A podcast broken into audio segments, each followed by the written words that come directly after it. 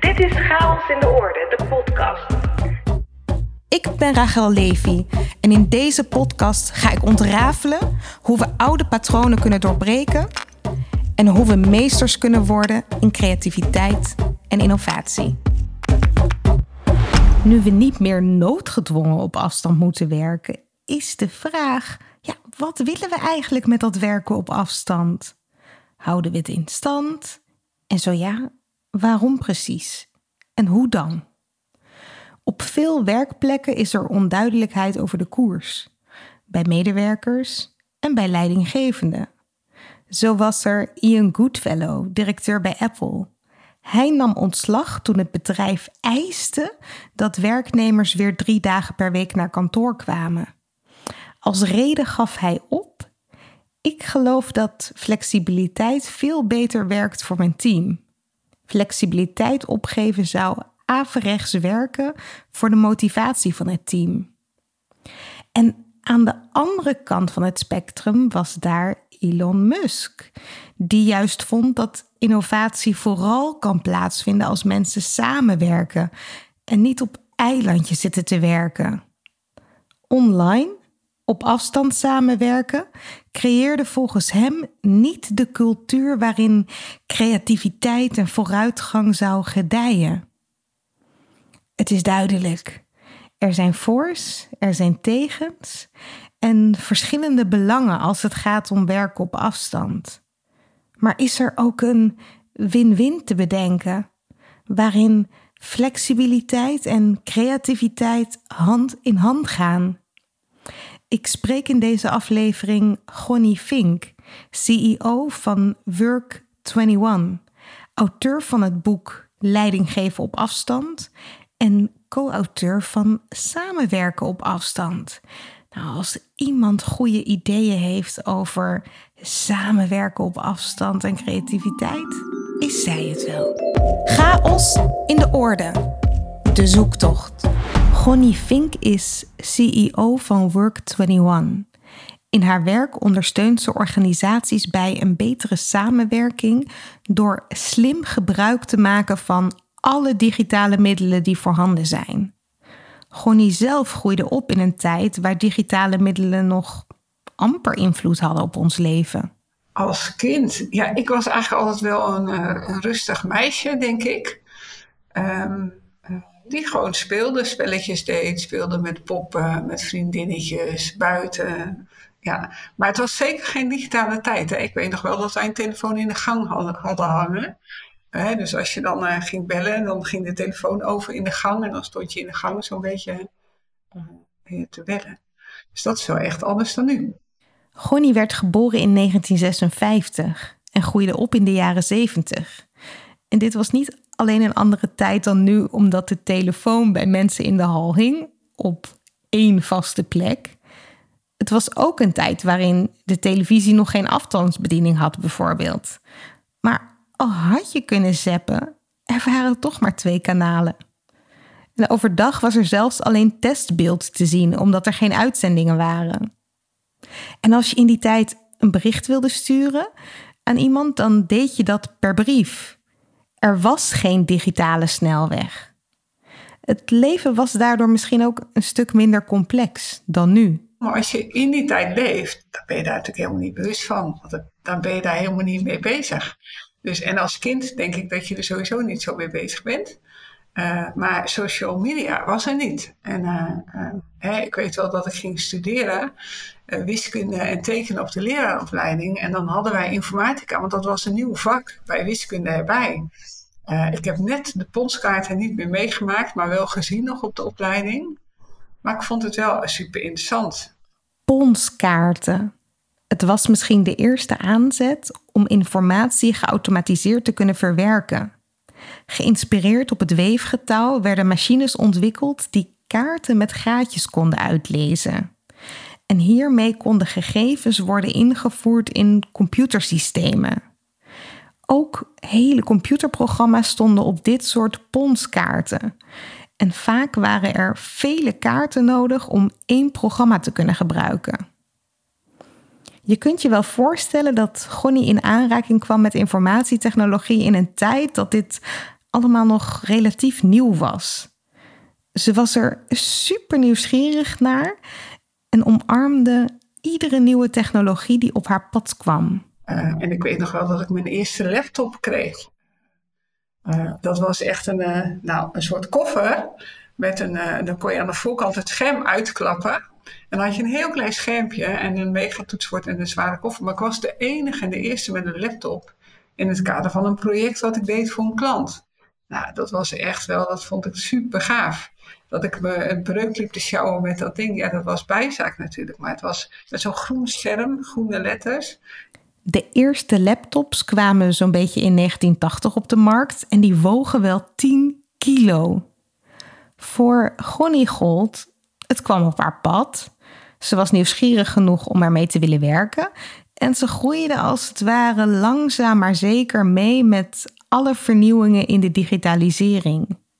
Vernieuwingen die elkaar steeds sneller opvolgden. Het is natuurlijk ontzettend snel gegaan en is er ontzettend veel opeens mogelijk. Uh, ik ben altijd wel nieuwsgierig, dus ik ben altijd wel aan het uitproberen aan te kijken, wat kan ik ermee? Dat informatietechnologie nog een heel nieuw, onontgonnen vakgebied was, merkte Gonnie al tijdens haar opleiding. Het was nog zo nieuw dat zelfs een opleiding over digitale technologie op een analoge manier werd aangeboden. Moet je je voorstellen, hè? we hadden in het afstuderen had ik een vak en dat heette numerieke wiskunde. Dat was heel erg ook programmeerachtig. En dat dictaat was met de hand geschreven door de docent met blauwe pen. Maar ik weet niet of jij wel eens hebt gekopieerd, maar blauwe pen kopiëren, dat, dat wordt heel onleesbaar. Dus dat dictaat, volgeschreven met ingewikkelde formules, uh, nou, ik heb er bijna een trauma overgehouden. Nou, net niet hoor. Maar het was echt ongelooflijk ingewikkeld vak, vond ik het. Uh, en dan ja, helpen de materialen ook niet. Want eigenlijk een digitaal vak, uh, heel erg uitgeschreven met een handgeschreven dictaat, kunnen we ons nu niks meer bij voorstellen. Gonnie hoorde tot de eerste lichting studenten die in de lerarenopleiding leerden programmeren. Wat toen heel flitsend was, zouden we nu hopeloos ouderwets vinden. Maar moet je je voorstellen dat je dan zo'n computerlokaal had of thuis en dan met floppies heen en weer. Of met, met, en later met disks. Dus ja, natuurlijk een heel andere tijdwerk. Ik, iemand vraagt wel eens, heb je een USB-stick mee? Ja, dat lag nooit bij me, want wij doen alles in de cloud. Dus, maar toen had je, dat altijd, had je zo'n mapje waar dat allemaal netjes in zat, want toen moest je het anders meenemen. Het was in die tijd behoorlijk hip om iets met automatisering te doen. Gonnie kwam na haar afstuderen terecht bij IBM, het bedrijf achter de allereerste personal computer, de PC. En ze ontwikkelde er trainingsmaterialen. En daar is bij mij wel het zaadje geplant om uiteindelijk de IT in te gaan. Uh, en ik ben zelfs nog in mijn traineeship opgeleid tot COBOL-programmeur. Maar ik heb vanaf dag één gezegd, ik wil graag met mensen werken. Ik, wil, ik ben een trainer, ik ben een docent. Dus dat is wel de kant die ik op wil. En dat nou ja, dat, dat was ook snel mogelijk. Dus dat was heel fijn. De technologie is dus niet wat Gonnie het meest interesseerde. Het waren de mensen die met die technologie moesten leren werken. Die interesseerden haar. Hoe krijg je mensen zover om op een heel andere manier te werken? Om nieuwsgierig te zijn naar nieuwe technologie in plaats van er bang voor te zijn. Ze ging organisaties begeleiden in dit proces en doet dit nog steeds. Al is die begeleiding in de loop der jaren wel vaak van karakter veranderd. Ja, kijk, wat je natuurlijk heel erg. Kijk, in eerste instantie moesten mensen echt met een computer leren werken. Hè? Dus dan had je ook mensen die de knoppen op het toetsenbord heel lastig vonden. Wat betekent de enter-toets? Dat kun je niks meer voorstellen. Hè? En dat was in de tijd wel. En waar moet ik op drukken? Dat was nog echt wel een spannende ontwikkeling. En op een gegeven moment, hè, toen ik heel lang dat deed, merkte ik wel, ja, voor mij gaat het eigenlijk veel meer om die mens en die organisatie. En die technologie is voor mij een middel en geen doel. Maar als je in een IT-organisatie werkt, is het toch echt wel het doel. Dus toen ben ik, en dat is inmiddels 15 jaar geleden, voor mezelf begonnen. Dat ik dacht, ja, ik wil echt vanuit mensen de organisatie kijken hoe technologie ons helpt om ons werk anders te doen, leuker te maken, gemakkelijker te maken. En dat is echt voor mij de reden om ook uh, met Work te starten. En ik had in die tijd nog wel eens, dan, hè, dan schreef ik een offerte. En voor mij zit het gedrag en de vaardigheden die je nodig hebt om, hè, om die technologie te gebruiken heel dicht bij elkaar. Dat zit bij mij verweven.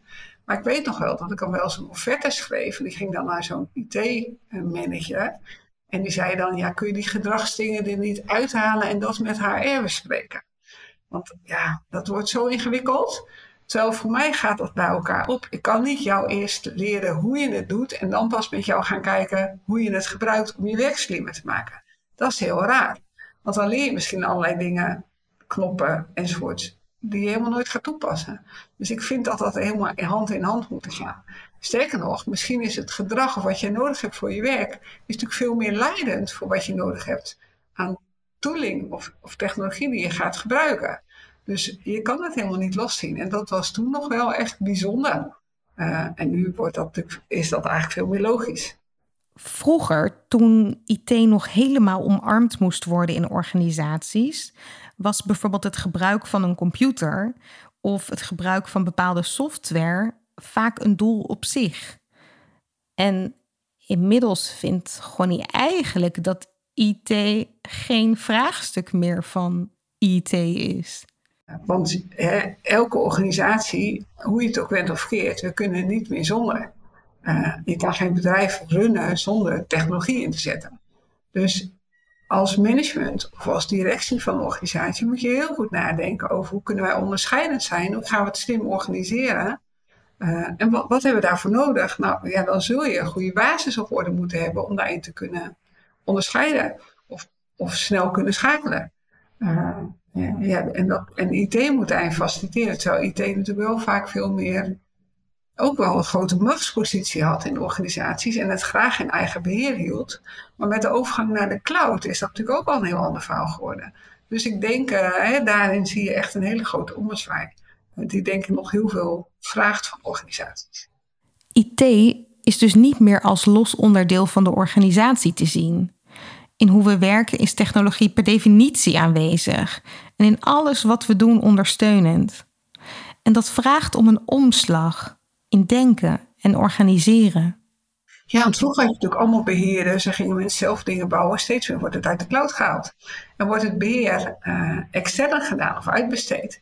Dus uh, worden organisaties daar al meer in ontzorgd. Want om alles bij te houden, alle nieuwe ontwikkelingen te volgen in een organisatie die een ander doel heeft, is natuurlijk ook hartstikke ingewikkeld. Moet je misschien helemaal niet willen. Met de komst van cloud-technologie is IT niet meer van een afdeling, maar van ons allemaal. Digitalisering democratiseert als het ware. En het introduceren van een nieuw platform of een nieuw systeem kan niet meer worden gezien als een losstaande verandering.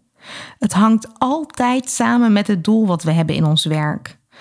Om in bepaalde situaties sneller of makkelijker te kunnen werken. En als je kijkt dat er vaak heel veel budget en ruimte is om, om iets te ontwikkelen, om iets te bouwen, een systeem, maar dat er maar een heel klein budget is om die mensen mee te nemen. Terwijl ik denk dan, nou misschien moet je wat minder al die technologie doen. En maar eerst zorgen dat wat je doet, dat dat ook echt goed gebruikt wordt. En dan kun je wel uitbouwen. Maar als je, hè, soms worden er nog steeds wel systemen ontwikkeld. Waar het contact met de mensen die het uiteindelijk moeten gaan gebruiken, die, die het moeten ontzorgen, minimaal is. En dan krijgen die mensen opeens dingen waarvan ze denken, dat had ik nou net niet nodig. Of zo werken we niet. Uh, en dan is daar toch echt onderweg iets mis. Nou, dat is zonde. Mensen hebben wel wat anders te doen dan zich bezighouden met technologie. Natuurlijk hebben ze technologie nodig, maar inhoudelijk hebben ze andere opdrachten. Technologie is puur bedoeld zodat ze die opdracht snel en makkelijk voor elkaar kunnen krijgen. En tegenwoordig is de grootste uitdaging dat mensen dit willen kunnen doen waar en wanneer ze maar willen. Het noodgedwongen werken op afstand heeft veel veranderingen met zich meegebracht. Voor Gonnie was dit niets nieuws. Ze is, ja, kan je zeggen, voorloper op het gebied van werken op afstand en ondersteunde organisaties hier al heel lang mee. Het werken op afstand stond in veel organisaties toen zelfs nog in de kinderschoenen. Rondom het hybride werken en voorheen het nieuwe werken kreeg ik wel eens de vraag. Hè, dan was ik bij een organisatie en die hadden dan al een keer nieuw werk gedaan. En dan gingen ze nog weer een volgende stap zetten. En dan zat ik bij zo'n leidinggever en dan zei ik van, goh, uh, nou, wat, heb je behoefte aan? Oh nee, maar we doen dit En dat doe je nu bij hybride ook wel. En dan zeg je maar, wat doe je dan precies? En zeggen ze, oh, mensen mogen één dag in de week thuiswerken. Of nu, mensen mogen 50% thuiswerken bijvoorbeeld. Dan zeg je, oké. Maar voor mij is de definitie van hybride of een nieuwe manier van werken wel iets anders dan hoeveel dagen je thuiswerkt dan op kantoor. Maar wat je dan eigenlijk ziet vaak bij die leidinggevende, dat dat vinkje in dat hoofd is gezet. Dat hij zegt van, nou ja, afgevinkt, want we hebben het over gehad. Mensen mogen maximaal zoveel dagen thuiswerken, dus klaar. Maar dan kom je niet echt tot het gesprek met het team wat je eigenlijk wil hebben. Dus we hebben daar een, een aanpak en een spel op ontwikkeld. Waarbij je echt open met elkaar het gesprek gaat voeren over nou, vijf succesfactoren voor het hybride werken.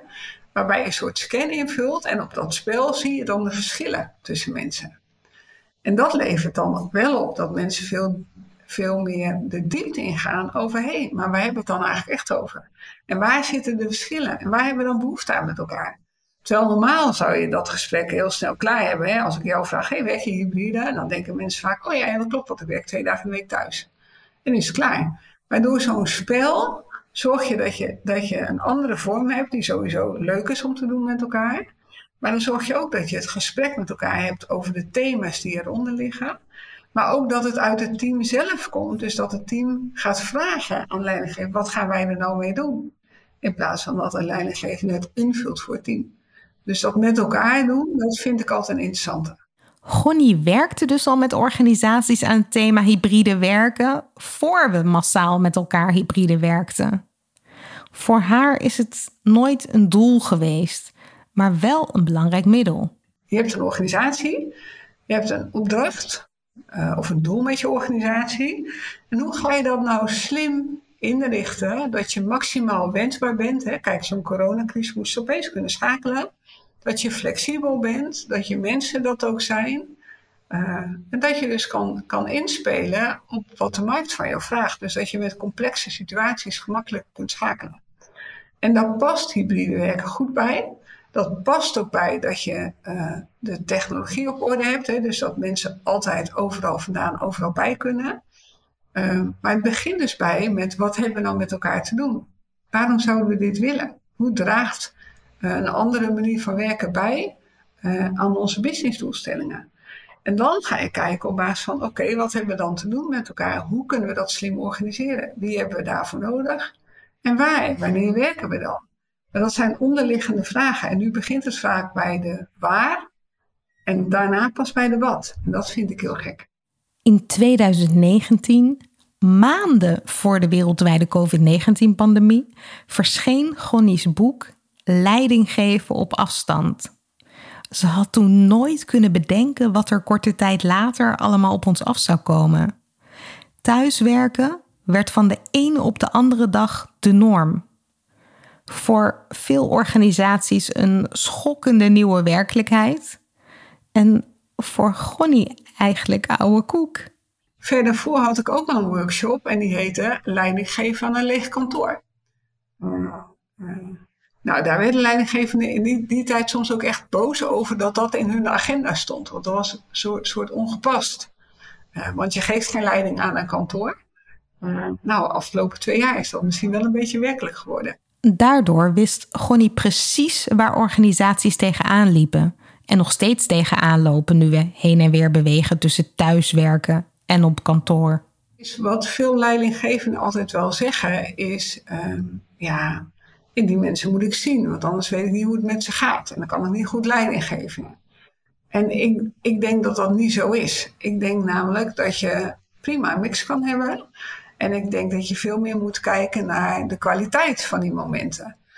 Ik zie mensen op kantoor naast elkaar zitten zonder dat ze elkaar spreken. Uh, uh, zo heb ik een keer een opdracht gedaan bij iemand die tegenover me zag en via de mail gelukkig nieuwjaar wenste. Uh, nou, dus het kan heel arm zijn. Dan werk je op dezelfde plek, maar eigenlijk het echte contact is er niet. Dus dat contact zit in andere dingen. En uh, ik denk dat mensen ook heel veel zelf kunnen en zelf kunnen oplossen. Maar dat heel veel leidinggevenden, hè, stel je wordt eindelijk leidinggevende, dan zit je op die plek. En dan hebben die mensen jou helemaal niet zo nodig. Dat is natuurlijk wel ingewikkeld. Dus leidinggevenden maken zich ook graag onmisbaar. Want dan, dan doen ze er ook toe.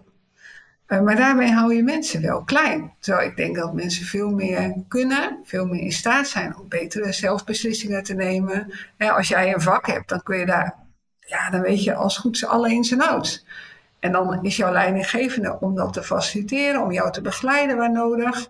Ook om, om de organisatiecontext aan jou te vertellen. Uh, en je daarin mee te nemen of te verbinden daarin. Als goed ben jij de specialist. Uh, en leidinggevenden die daarmee, nou, ik noem me zelfs aan de haal zijn, vind ik dat een beetje ingewikkeld. Uh, dus ik geloof heel erg in hoe, hoe zorg je ervoor dat je het simpel houdt. En dat je mensen maximaal tot hun recht laat komen in hun werk. Haar eigen ervaringen met het werken op verschillende plekken heeft Gonnie gesterkt in haar visie. Wij zijn consultants, dus wij zijn altijd op locaties. Of waren altijd op locaties. Dus ik zag mijn team zelf al bijvoorbeeld niet zo heel vaak. Uh, maar ik had niet het idee dat wij uh, niet goed verbonden waren met elkaar. Dus ik vond het ook interessant om te kijken van wat zegt dat dan? En het gaat dus heel erg over vertrouwen en durven loslaten. Het vraagt echt wel iets anders. Uh, nou ja, en dat, daar zit natuurlijk wel een spanningsveld op voor veel leidinggevenden. Ik had pas een leidinggever die tegen mij zei: Ja, ik vind het echt lastig, want wat heb ik nog eigenlijk te doen? En dat vind ik al dapper als je dat durft in te brengen in een workshop, want eigenlijk stel je je eigen baan uit ter discussie. En ik denk dat leidinggevenden wel degelijk een rol hebben, maar dat die veel meer faciliterend is, of misschien wel dienend is, om de mensen in die organisatie goed te laten werken. En daar valt echt wel genoeg te doen. Maar het is anders dan die mensen pamperen en dingen voor ze bedenken. Uh, je kunt die mensen prima zelf laten denken. Uh, en meedenken als het complex wordt. Of dingen organiseren uh, over teams of afdelingen heen voor ze. Of daarbij helpen. Maar dat is wel een ander soort rol. Tot 2020 was er wel een wens om hybride te werken. Maar de urgentie was nog niet zo hoog. Het was maar een lastig thema. En echt niet alleen voor leidinggevenden. En een jaar later was de urgentie natuurlijk heel hoog. Dus dan, dan, dan gebeurt er allerlei andere dingen ook. Uh, want toen bleek opeens dat mensen heel productief waren vanuit huis. Uh, voorheen zeiden van hè, of, of dat werk echt wel anders georganiseerd worden. Hè. Organisaties waar ik daarvoor kwam, zeiden afdelingen nee, maar het gaat niet voor ons op. Hè, want voor ons type werk kan het echt niet anders dan dat we dat op kantoor doen. Uh, en een jaar waarvan ik toen al dacht en ook wel zei, nou volgens mij kan het echt wel anders. Maar dat je echt dacht, nou die luiken zijn gewoon dicht. Mensen willen niet, zijn er gewoon nog niet aan toe. En een jaar later bleek het wel te kunnen. Het werken op afstand kreeg ineens een vlucht. Het kon wel, maar het bracht ook een andere dynamiek mee in de manier waarop we werken. De eerste weken, nou, we moesten schakelen. Sommige mensen gingen overigens zitten afwachten. Dat zag je ook in andere organisaties.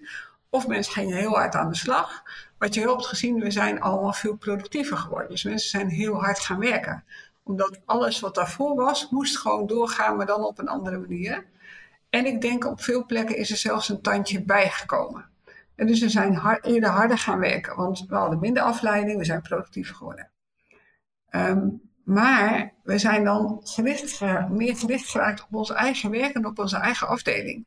Dus het, het over afdelingen heen kijken, het van elkaar leren, het bouwen aan je netwerk, het inspiratie opdoen van buiten, dat is allemaal een beetje afgestompt. Um, uh, en ja, dat komt niet ten goede aan innovatie. Dus dat is wel echt een nadeel voor innovatie. Dus dat heb je wel nodig. Um, en dat zie je eigenlijk ook binnen heel, heel veel organisaties, zijn gewoon eilandjes.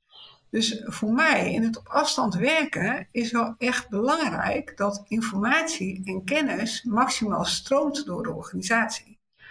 Um, wij doen veel trajecten met Microsoft-technologie bijvoorbeeld. Uh, en technologie is niet de oplossing, hè, maar wel, kan wel een middel zijn wat enorm helpt. En wat ik zie is dat veel organisaties die overstap wel gemaakt hebben, maar niet alle functionaliteit hebben aangezet, omdat ze dat nog heel spannend vinden. Dus dan kunnen mensen wel chatten en vergaderen, maar uh, documenten delen of transparant samenwerken of openlijk werken, heel working out loud zoals wij noemen, dat gebeurt nog helemaal niet.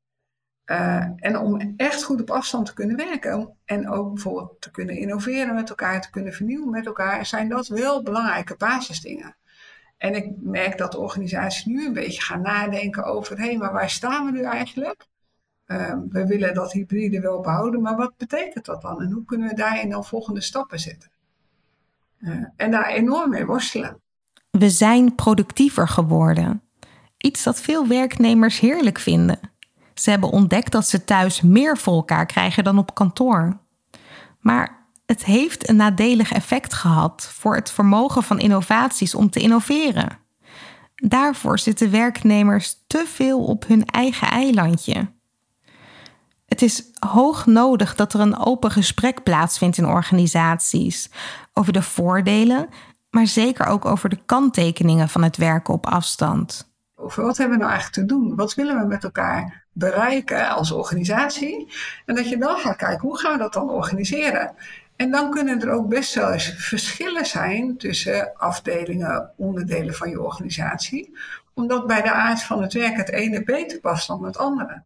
Uh, dus, dus hybride werken gaat voor mij wel heel erg over het hebben van meer autonomie, maar je hebt wel met elkaar een klus te klaren. En een tijd terug sprak een organisatie en zei: Kunnen jullie helpen met hybride werken bij ons? Nou, dat kan, maar waarom wil je dat dan? Ja, medewerkers willen niet meer terug naar kantoor. Oké, maar waarom wil je dan hybride gaan werken? Je kan ook gewoon zeggen: Ik wil dat jullie allemaal weer naar kantoor komen. Nee, ja, we willen wel eens tegemoet komen. Maar welk doel dient het dan? Uh, hoe helpt het je als organisatie? Hoe helpt het je in je businessmodel? Hoe helpt het jouw klanten dan? En daar was niet over nagedacht. Dus ik vind dat je, dat je dat soort vragen wel eerst beantwoord moet hebben. En dat je dan het kan afpellen. Hoe gaan we het werk dan anders organiseren op basis van de mogelijkheden van deze tijd? Maar dat is natuurlijk een heel ander gesprek dan. Medewerkers zullen niet meer terug naar kantoor, dus help ons met hybride werken. Medewerkers willen niet meer terug naar kantoor. Het is een padstelling voor veel organisaties. Er is krapte op de arbeidsmarkt. Mensen hebben het voor het kiezen. En autonomie leveren mensen niet graag in. Denk aan Ian Goodfellow, die ontslag nam bij Apple omdat hij zijn autonomie belangrijker vond dan de klus die hij te klaren had. Maar misschien heeft Elon Musk ook een punt. En is het vanuit innovatieoogpunt ook gevaarlijk om zo autonoom, zo op losse eilandjes te werken? Hoe moeten organisaties hiermee omgaan? Kijk, die, die autonomie, dat hoor je natuurlijk overal ook wel terug. De vrijheid om op basis van je werk te kijken waar je werkt en hoe je het organiseert en wanneer je werkt ook. Uh, dat, dat is denk ik een groot goed geworden. je hoort natuurlijk over digital nomads, mensen willen op workation. Dus de flexibiliteit daarin uh, wordt denk ik als een belangrijke voorwaarde gezien voor mensen. Uh, en die snap ik heel goed, want die keuzevrijheid is prettig. Hoewel dat niet voor iedereen is. Hè. Sommige mensen zeggen van nou, ik word helemaal gek in mijn hoofd. Als, dan sta ik altijd aan. Dus wanneer kan ik dan nog ontspannen? Dus je moet daarover met elkaar ook wel het gesprek hebben. En daar moet ook zorg en aandacht voor zijn. Uh, want vitaliteit staat anders onder druk. Aan de andere kant ben je wel een organisatie. Dus mensen zijn geen ZZP'ers. Dus je hebt wel met elkaar iets te doen. En je hebt dus een modus te vinden die ook zorgt voor die verbinding, het van elkaar leren, met elkaar dingen ontdekken en doen, uh, je klant goed te bedienen, want die moet denk ik altijd voorop staan. Uh, dus, dus dat innoveren waar we het eerder over hadden, dat moet ook gebeuren. Dus als dat stilvalt, dan moet je gaan nadenken van hé, hey, wat hebben we dan te doen om dat weer voor elkaar te krijgen? En ik denk dat ik vind het ook fijn als ik mensen zie op locatie, dat ik kan brainstormen. Maar ik geloof heel erg in de mix. Het is niet het een of het ander, en dat is wel wat je vaak hoort. Maar het is en-en. Beide, vanuit beide werelden, die dingen halen uh, die optimaal werken. Alleen dat kan dus verschillen voor teams en afdelingen in een organisatie. Dat is niet overal hetzelfde. En het liefst hebben wij alles voor iedereen op dezelfde manier ingericht. Alleen ik denk dat je mensen dan altijd tekort doet. Want mensen zijn nou eenmaal niet generiek. In de zienswijze van Gonnie is het dus prima als werknemers hun verworven autonomie niet meer willen opgeven. Mits ze zien dat met vrijheid ook een grote verantwoordelijkheid komt. Het gaat veel meer over persoonlijk leiderschap. Uh, maar ook die gezamenlijke verantwoordelijkheid. Dus als leidinggevende is het, denk ik, jou de kunst om een klimaat te creëren met je team, waarin het veilig is om met elkaar dingen te delen, waarin fouten gemaakt kunnen worden, waarin je met elkaar leert. Waar openheid is en transparantie in hoe je werkt. En dat je daar dan zelf ook het goede voorbeeld in geeft. En dat betekent niet dat je perfect moet zijn, want dat zijn we gelukkig allemaal niet, we zijn allemaal mensen. Maar wel dat je um, in die kwetsbaarheid ook kunt uitspreken wat jij lastig vindt. Omdat je het ook echt uh, met elkaar moet doen om dingen voor elkaar te krijgen. En mijn ervaring zelf is, is dat je als je uitspreekt dat je dingen lastig vindt of dat je iets ingewikkeld vindt, uh, dat je team daar graag in wil meedoen. Dus dat, ze, dat je eigenlijk mensen uh, aan zet helpt om dingen te gaan doen, oplossingen te zoeken, mee te gaan denken. In plaats van, hè, als jij altijd degene bent die overal antwoord op hebt, uh, dan worden mensen afwachtend en dan wachten ze tot jij het antwoord geeft. Maar als jij vooral vragen stelt en je gaat het met mensen zelf doen, uh, ja, dan worden ze heel veel proactiever. Dus dat klimaat creëren en daar voorbeeld in zijn is denk ik belangrijker. En voor medewerkers is het natuurlijk wel belangrijk dat ze die ruimte ook pakken. Dus dat ze niet uh, zeggen, nou, ik heb al heel lang zo gewerkt, dus ik blijf het nog steeds zo doen. Of dat ze zeggen, nee, ja, dat mag jij als leidinggevende oplossen, want daar ben ik niet voor. Dat is jouw probleem en niet mijn probleem. Dus, hè, dus dat, en dat is iets wat je met elkaar moet bespreken, met elkaar moet creëren dat mensen hun verantwoordelijkheid pakken, maar dat je het ook geeft. En dat dat in een veilige omgeving gebeurt. Een open gesprek voeren over de klus die je met elkaar te klaren hebt, nu, maar ook in de toekomst. En wat dit vraagt, is dus het belangrijkst. Aan de hand van wat hiervoor nodig is, kun je met elkaar bepalen hoe jullie willen samenwerken en waar of met welke tools. En zo'n padstelling als ik wil nooit meer naar kantoor, is dan niet echt dienstbaar aan het gezamenlijke doel dat je met elkaar hebt. Probeer dus altijd mee te bewegen met wat nodig is. Uiteindelijk heb je een baan en uh, ben je onderdeel van een groter geheel. Uh, en dus het kan niet zo zijn dat je zegt, ja, nou ja, leuk allemaal wel, maar dinsdag is mijn vaste thuiswerkdag. Maar dat vond ik hiervoor ook al niet, want het gaat wel over die wensbaarheid en flexibiliteit. Dus uh, als je je werk soms zo kan inrichten, kan het best met regelmaat zijn. Maar je kan niet zeggen, ja, maar dan kan ik niet naar kantoor, want dan, dan werk ik thuis. Het kan wel zijn dat je zegt, dat is een niet-werkdag. Maar dan vind ik een ander, ander verhaal. Maar als je werkt, dan ben je aan het werk. En je hebt met elkaar iets te doen. Uh, en het helpt natuurlijk, hè, zeker in het, in het hybride of nu, dat je dingen ver vooruit plant. Wij hebben ook een teammeeting één keer in de zes weken waarvan we hebben gezegd, nou twee keer is hybride, moet je het zelf weten, maar de derde keer, dan ben je echt bij ons in groene kan. Uh, ik vind dat je dat ook moet kunnen stellen en met elkaar moet kunnen afspreken, maar, maar maak er dan ook iets bijzonders van. He, dat het waarde oplevert voor medewerkers om dan juist te komen. Dat ze denken, ah, ik heb er zin in, want ik zie mijn collega's. Uh, en dat is meer waarde dan het op afstand bij elkaar komen. Uh, dus, dus dat vraagt het wel. Maar ik vind ook dat je wel grenzen moet kunnen stellen met elkaar. Dus dat je er afspraken over moet maken. Hoe kijk jij naar je verworven autonomie? Ben jij nog bereid om vaker in een kantooromgeving te werken als je weet dat het meer bijdraagt aan verbinding en innovatie? Of vind je het eigenlijk wel best zo, zolang je je eigen vrijheid maar behoudt? Het is goed om je bewust te zijn van je eigen ideeën over hybride werken. Eens. En ik denk ook dat um, um, um, nou, het echt nodig is om te kijken van hé, en wat willen we er dan verder mee? Hè? Dus wat gaat het ons brengen? En, en wat is een manier die ons past? dus dat je daar het gesprek over, over aangaat. Dat is interessant als mensen zelf gaan bedenken. Oh ja, dit is wat we doen. Of dit patroon hebben we. Ik was me helemaal niet bewust, want het is ergens doorgegroeid. Uh, maar het is goed om eens te kijken of het ook anders kan. Of, dat we, of, of een keuze te maken dat het wel oké is, is ook prima. Maar dat het wel een bewuste keuze is. En nu zijn het vaak toch ja, patronen die zijn ontstaan. Uh, en ik denk om, om te ontwikkelen en te groeien, moet je die onder de loep durven nemen en met elkaar te verkennen hoe dan wel. Door te experimenteren bijvoorbeeld, daar geloof ik heel erg in. Gonnie komt als consultant in allerlei organisaties. Ze kan daardoor van dichtbij alle trends en ontwikkelingen zien gebeuren. Zo ziet ze een duidelijke verandering in het vormgeven van werkplekken. In het nieuwe werken zag je veel kantoortuinen, bijvoorbeeld. Uh, of hele grote ruimtes met concentratiewerkplekken. Maar die hebben we niet meer zo nodig, want mensen kiezen er veel bewuster voor om dat soort activiteiten meer vanuit huis te doen.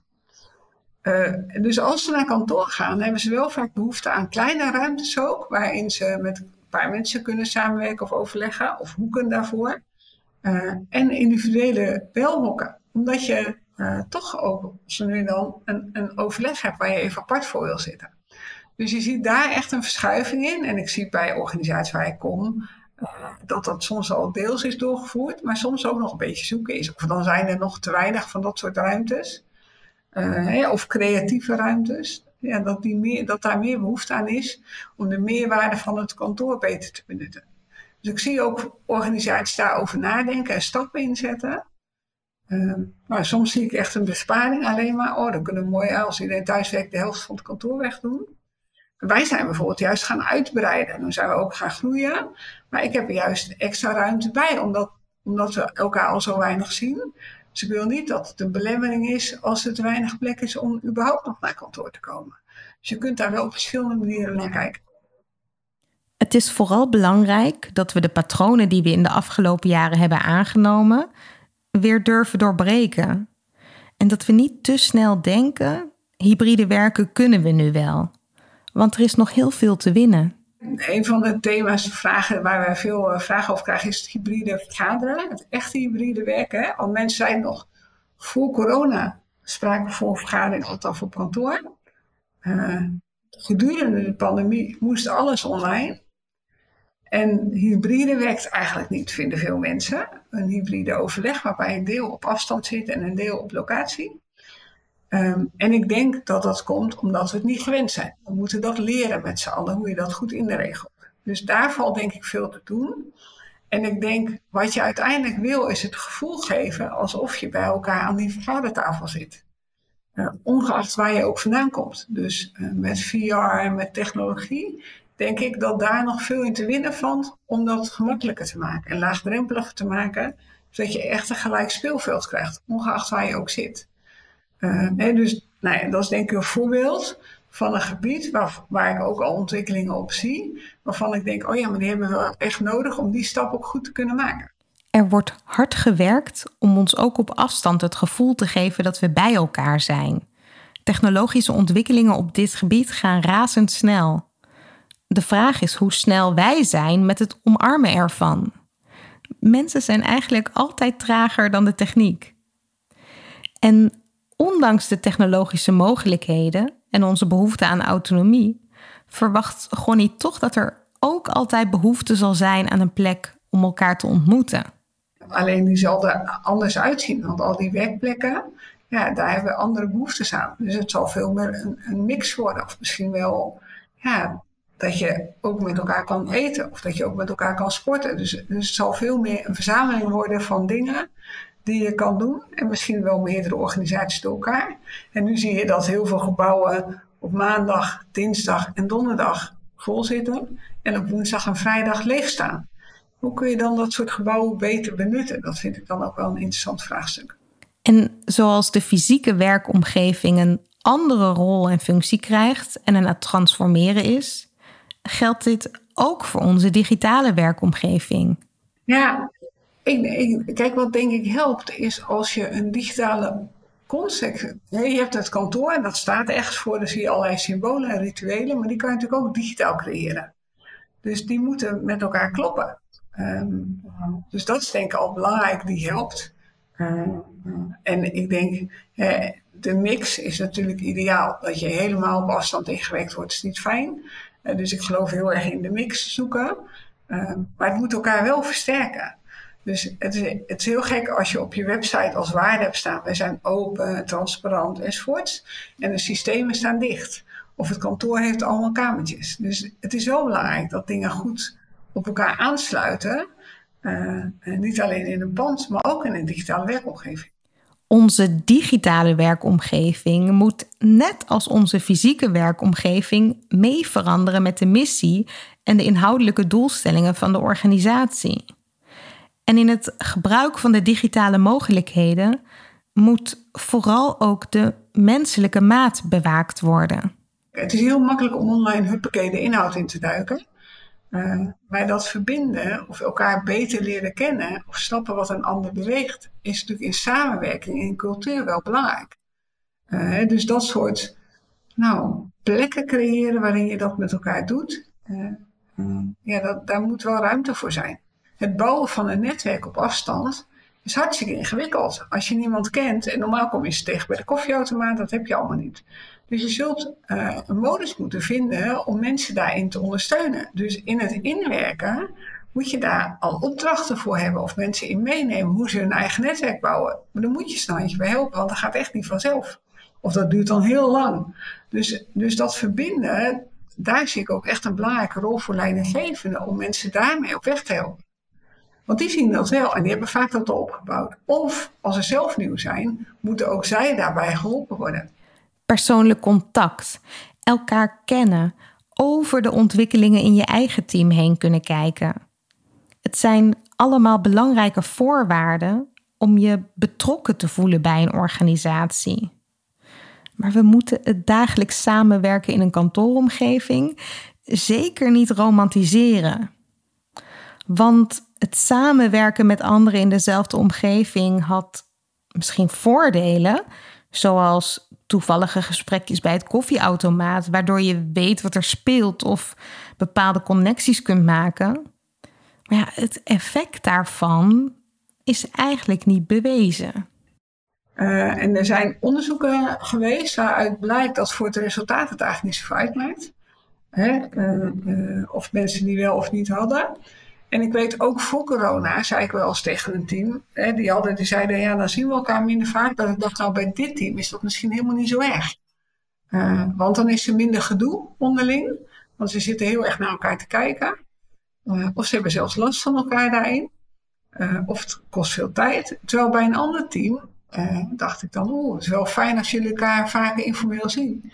Dus je, je kan daar ook niet helemaal een standaard op instellen. Want ja, ik heb ook wel een voorbeeld van een organisatie gehoord en met, met uh, ondersteuners, waar, waar het niet alleen fijner is geworden onderling, maar het werken ook eens veel efficiënter is, is geworden door het op afstand werken. Terwijl daarvoor, nou, het absoluut niet mogelijk was om op deze manier te gaan werken. Hybride werken is niet meer weg te denken. Dat is een ding wat zeker is. Alleen al omdat er nog zoveel mogelijkheden zijn die we kunnen inzetten. Ja, ik denk dat de virtuele wereld en de echte wereld steeds meer in elkaar gaat overlopen. Um, en dat we dat veel gewoner gaan vinden. En ja, ja dat is nu nog niet echt zo. Maar ik denk dat dat het is. En uh, ja, dat dat ons nog veel gaat brengen.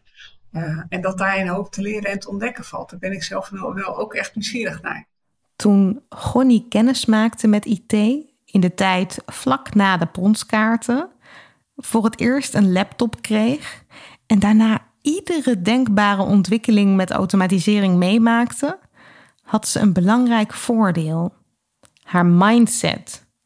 Ze was nieuwsgierig. En die nieuwsgierigheid zorgde ervoor dat ze mee kon ontwikkelen. Toen en nu nog steeds. Een open houding is belangrijk om ook in de toekomst van waarde te blijven als werknemer. En daar hoef je echt geen expert voor te zijn. Ja, ik denk dat het al helpt als je het volgt en eens uitprobeert en gewoon nieuwsgierig bent. Maar dat geldt op alle vlakken, denk ik. Um, ja, want ik denk wel, nou ja, zeker in dat hybride gaat daar steeds meer behoefte aan komen. Uh, op alle fronten, hè, of het gaat over uh, meekijken of op afstand meedoen met een operatie bijvoorbeeld. Of uh, hè, producten daar advies over geven, waarbij het, gevoel is alsof iemand met je meekijkt, terwijl die helemaal niet naast je staat. dus ik denk op onderwijs, we hebben ook echt een probleem met genoeg leraren vinden. dus onderwijs had voor een deel op afstand grote groepen waarbij onderwijsassistenten met digitale middelen anders gaan lesgeven. Ik denk dat er nog echt veel komt. En de arbeidsmarkt maakt ook dat we naar andere oplossingen moeten gaan kijken. Chaos in de orde. De zoektocht. Ja, het is wel duidelijk. Echt hybride werken, dat blijkt nog niet zo eenvoudig. Veel teams komen op dit moment niet veel verder dan deels thuis en deels op kantoor werken. Misschien betekent dit dat er nog te zwart-wit gedacht wordt over hybride werken. Je bent als het ware of van het kamp Ian Goodfellow of van het kamp Elon Musk. Maar er zit natuurlijk nog een heel spectrum tussen. Een spectrum dat leuk is om te verkennen, waarin nog veel te experimenteren valt en waarin we nog lang niet zijn uitgeleerd.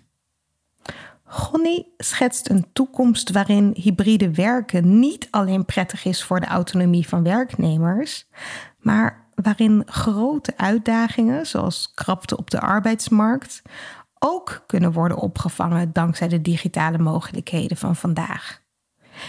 Het enige wat we hoeven te doen is het goede gesprek voeren. Wat willen we nu eigenlijk bereiken met elkaar? En hoe kunnen we dit het beste doen? En kan een digitale omgeving dit voor ons mogelijk maken, of makkelijker maken, of leuker maken? Of is het soms toch nodig om elkaar fysiek te ontmoeten? Dus niet zozeer als echte of, als een of-of, maar juist als een en-en situatie. Ik ben heel nieuwsgierig of in jouw team het thuiswerken alweer een soort status quo is geworden, een nieuw ingesleten patroon. Of dat jullie af en toe nog de knuppel in het hoenderhok gooien om te bespreken waarom jullie hier nog steeds voor kiezen. En in welke omstandigheden het wel bijdraagt aan jullie gezamenlijke doelstelling en wanneer misschien niet. Zodat jullie een vorm vinden waarin in eerste plaats jullie doelstelling, jullie bedoeling wordt ondersteund. En waarin jullie vervolgens samen zoeken naar een werkwijze waarin een goede balans bestaat tussen autonomie en gezamenlijkheid en tussen productiviteit en creativiteit. Kun je hier nou wat handvatten bij gebruiken of weet je niet zo goed welke vragen jullie nu zouden moeten stellen? Dan heeft Gonnie dus samen met Bas Krikke een nieuw boek geschreven. Het heet Samenwerken op afstand. En in dit boek komen allerlei succesvolle strategieën voor hybride werken aan bod. Doe er je voordeel mee, zou ik zeggen. Creativiteit, innovatie. Het lijkt omgeven door een mysterieuze mist. Een geheim voor briljante breinen en getalenteerde kunstenaars. En toch, het moet toch voor iedereen toegankelijk zijn? Aflevering voor aflevering graaf ik steeds een stukje dieper. Ben jij enthousiast? Abonneer je dan op deze podcast en laat een review achter in de app waarmee je luistert. Hoe meer reviews we ontvangen, hoe meer mensen deze podcast kunnen vinden. Zo zorgen we samen voor meer chaos in de orde. Wil jij zelf chaos in de orde brengen? Download dan gratis het e-book Chaos. 10 manieren om patronen te doorbreken. Je vindt het op chaosindeorde.nl/slash podcast. Deze podcast wordt je aangeboden door Huis van Verbeelding, het bedrijf voor zakelijke creativiteit. Tot de volgende keer en veel chaos!